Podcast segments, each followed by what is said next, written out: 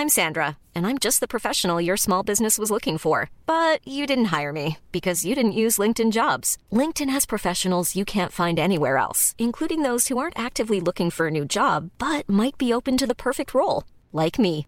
In a given month, over 70% of LinkedIn users don't visit other leading job sites. So if you're not looking on LinkedIn, you'll miss out on great candidates like Sandra. Start hiring professionals like a professional. Post your free job on linkedin.com/people today. Many of us have those stubborn pounds that seem impossible to lose, no matter how good we eat or how hard we work out. My solution is PlushCare. PlushCare is a leading telehealth provider with doctors who are there for you day and night to partner with you in your weight loss journey. They can prescribe FDA-approved weight loss medications like Wagovi and Zepbound for those who qualify. Plus, they accept most insurance plans. To get started, visit plushcare.com slash weight loss. That's plushcare.com slash weight loss. Velkommen til aksjepraten her i Finansavisen. Med meg så har jeg aksjekommentator Karl Johan Målnes. Og Karl Johan, vi må starte å snakke litt om XXL. De kom jo med et, eh, et resultatvarsel i juni, og de varslet om svake tall. Og i dag kom rapporten. Og den var litt, eh, litt svakere enn ventet, og aksjen faller. Den siste tiden så har jo analytikerne de har jo nedjustert og nedjustert, og nå står nesten alle med salg og forventer restrukturering. Slik jeg ser det, så er det kanskje tre utfordringer XXL har. For det første så blir privatøkonomien til Ola og Kari Nordmann trangere nå fremover med inflasjon, økte renter, økte strømpriser. Det vil kunne slå. Og så er det jo under koronatiden. Du hadde vel sikkert en del turer ute i skog og mark? Det hadde vi alle. Så da blei det, ble det gjort mye innkjøp av turutstyr og, og sånt som XXL selger mye av. Og nå, når samfunnet har åpnet opp igjen, så er det naturlig at man kanskje mister litt appetitten på sånne type varer. Og så er det jo et ordtak som heter eh, 'verken fugl eller fisk'. Kanskje det er dekkende for XXL, fordi du har jo eh, du har sportsoutletter som har vokst veldig kraftig eh, de siste årene. Og de har jo lavere priser enn XXL. Og så har du mer high-end eh, eh, konsepter, sånn som, eh, sånn som Gjelsten har med, med Sport1. Herunder Anton Sport, som tar, eh, tar høyere priser, og som har kanskje et litt finere utvalg.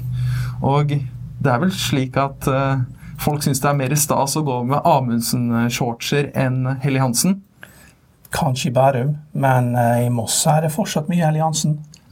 Så det blir spennende å følge med på XXL eh, utover høsten. Og en annen aksje som vi må ta og snakke om i dag, det er Bård Drilling. I Ja. går så varslet de at de må hente nye penger. Tror du Tor, Tor Olav Trøim vil klare det? Ja, jeg tror helt sikkert at vi klarer å hente inn penger. Og eh, noe som er like norsk som å gå eh, tur i fjellet, er å hente inn penger til riksselskaper som har for mye gjeld. Så markedsverdien av egenkapitalen i Bård er 4 milliard. Aksjekursen er ned fra 40 til 27 siste uken. De eh, sier at de har en emisjon på gang med 260 millioner dollar, som er 2,6 milliarder kroner til en ukjent kurs. Eh, eh, og det er jo eh, nesten like mye som det er i egenkapital. I tillegg så ligger det et konvertibelt lån her som er usikret, med forfall i mai 2023, som er på 350 millioner dollar. Og nå når oljeprisen ikke lenger går opp, eh, så eh, eh, det kommer til å bli eh, veldig mange middager i sommerferien som kommer til å bli ødelagt av samtaler om gode ideer om hvordan dette her skal løses. Mest sannsynlig så blir det til at man gjør eh, nok en liten emisjon, som alle den typen man har gjort før, 50 millioner dollar. Og det konvertible lånet på 350 millioner dollar blir bare skjøvet lenger fram, fordi det er for vanskelig å få dette på plass eh, i det markedet vi er i nå. Er Bård Drilling en aksje man burde holde seg unna nå? Eh, helt klart en aksje som man holder seg unna. Vente til det kommer avklaring, eh, og, og se hva som skjer da. Når, eh, hvilke terms de får, de som putter inn de pengene som kommer plass. Og det blir minst 50 millioner dollar. Det kan godt hende det blir mer, men eh, det, er, eh, det er vanskelig å se at det blir veldig store penger så lenge det konvertible lånet ligger der på 200, 350 millioner med forfall neste år. Det, det, er for, eh, det er for vanskelig å forhandle det før man liksom står på kanten av stupet og, og må virkelig forholde seg til realiteten at det ligger der. Og, og strikeprisen på det konvertible lånet er så høyt at det, det er for alle praktiske formål et lån.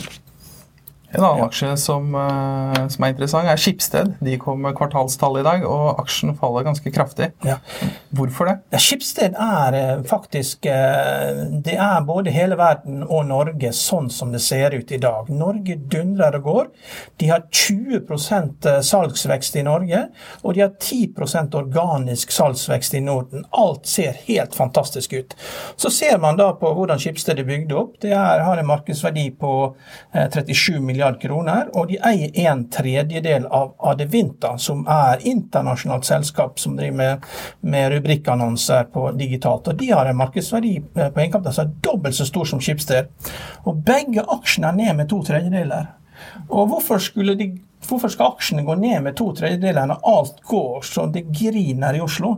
Det er jo fordi at det er viktigere hva som skjer ute i verden, enn det som skjer i Oslo. Og Jeg har en kunde som, hadde en kunde som, eh, som to ganger i løpet av de siste 20 åra har kjøpt 10% av Skipsted, og begge ganger tidoblet pengene sine. Skipsted er en aksje nordmenn ikke bryr seg om. Det er nesten meglerhus snakker ikke om den. Det er, det er utlendinger som styrer dette, her, og det virker som shorterne kjører dette ned for å tjene penger på det. Og, og eh, de som eier, de, de, de, rir, bølgen opp, og når de er ute, så kommer det shorter inn og, og, og tar returturen. da, Og så sitter det nordmenn imellom og skjønner veldig lite av hvorfor denne kursen går. Men det er veldig store ubalanser ute i eh, verdensøkonomien. der Man ser på deltallene fra inflasjonen i USA med 25 og 26 vekst i, i leienivåene på ett og to uh, roms leier, og, og, og, inflasjonen på varer opp med, i, i, i produsentprisindeks med 17% Det er klart at rentene skal opp her nå, og det er, det, det er den usikkerheten som er reflektert i Schibsted-kursen, som jo er vinter mye emerging markets, og, og rentene, dollarrentene slår ganske kraftig på økonomiene der. Så eh, Schibsted er liksom en liten early warning på hvilke problemer vi har foran oss. Eh, så eh, de dukker ikke opp umiddelbart, men eh, allerede i tredje kvartalstallene som vi ser de. Og det er klart, Skipsted, Schibsted, Årsaken til aksjen er ned direkte, er jo at eh, resultatene er ned 17 fordi de har måttet ta nedskrivninger pga. kursfall i vinter. Så det er, det er også en rekke andre resultater vi kunne ha kommentert, men vi har fokusert på de to mest spektakulære. Der er gode tall fra Norske Skog, mye av det er nok drevet av valuta, uten at vi fått sett mer på detaljene bak der. Ja, det var det, det var det. det. Ja, det var og, det for hvis, i dag. og hvis du har lyst til å lese mer om eh, resultatsesongen, gå inn på fa.no. Økonominyhetene har sommerferie, men det har ikke denne podkast-feeden. Hver dag kommer det aksjeanalyser, eh, aksjekommentarer og intervjuer med kjente personer fra norsk næringsliv, så det er eh, ingen grunn til å legge vekk denne podkasten i sommer.